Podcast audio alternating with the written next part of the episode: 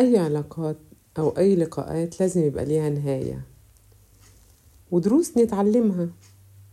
عندنا علاقات كبيرة وكتيرة أوي في حياتنا اللي بتنتهي وكنا بنتمنى إنها ما تنتهيش أو ما تنتهيش بالصورة دي أو تندم عليها علشان الألم والمعاناة اللي بنشوفها في النهايات.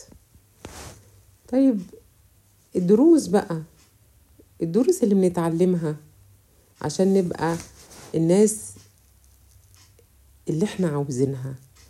الشخص اللي أنا عاوزه.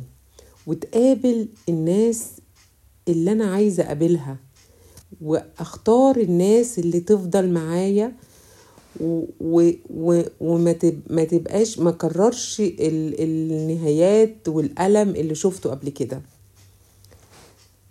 وتعمل الحاجات اللي تخليك دايما مع الشخص الصح. ما تنسوش. يعني تسمعوني على التيك توك فنجان قهوة مع جيهان